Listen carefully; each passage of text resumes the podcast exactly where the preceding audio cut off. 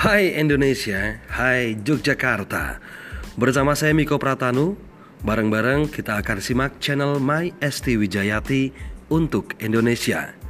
Ada obrolan politik, juga tentang sosial dan perempuan Indonesia, seputar keluarga, kuliner, wisata, juga puisi. My ST Wijayati untuk Indonesia.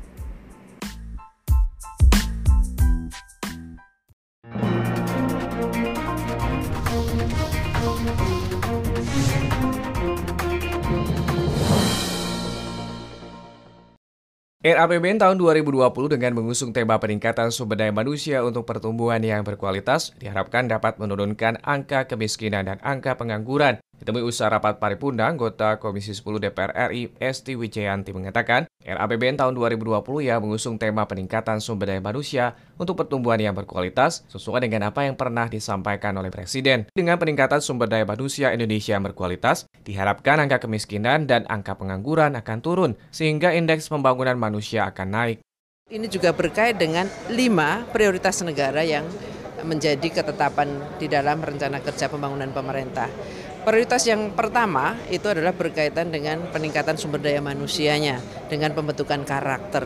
Nah, saya berharap eh, kita menitik beratkan pembangunan karakter ini dengan tidak melupakan fondasi mendasar kita bagaimana penguatan soal ideologi bangsa. Lebih lanjut, Esti Wijayanti menambahkan, dalam menyusun program kegiatan harus terlebih dahulu mengetahui bagaimana proses program kerja tersebut berjalan, sehingga dapat mengakomodasi kepentingan pembangunan bangsa dan negara. Tidak boleh hanya bicara Esti Wijayati dari Yogyakarta, lalu saya hanya bicara penuh soal Yogyakarta, tetapi tidak mempertimbangkan bahwa masih banyak daerah lain yang jauh lebih membutuhkan. Maka saya juga harus bicara ini Papua, ini Aceh, ini NTB, ini NTT harus mendapatkan perhatian kita. Jadi setiap kita, kalau saya, setiap kita anggota DPR RI boleh memperjuangkan daerahnya, tapi tidak boleh melupakan kepentingan nasional, kepentingan untuk membangun bangsa dan negara secara keseluruhan. Bondan, dan Sanjaya, TVR Parlemen, laporkan.